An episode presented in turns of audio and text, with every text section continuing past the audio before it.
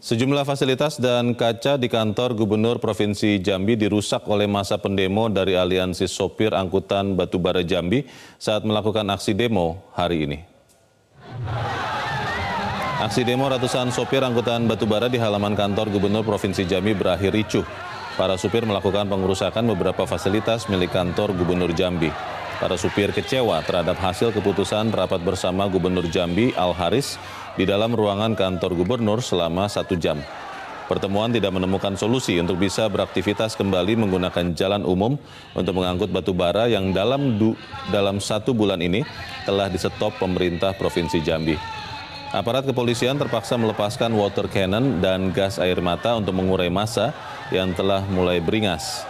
Masa akhirnya berhasil mundur dari aksinya dan mencoba menahan diri di lapangan kantor gubernur.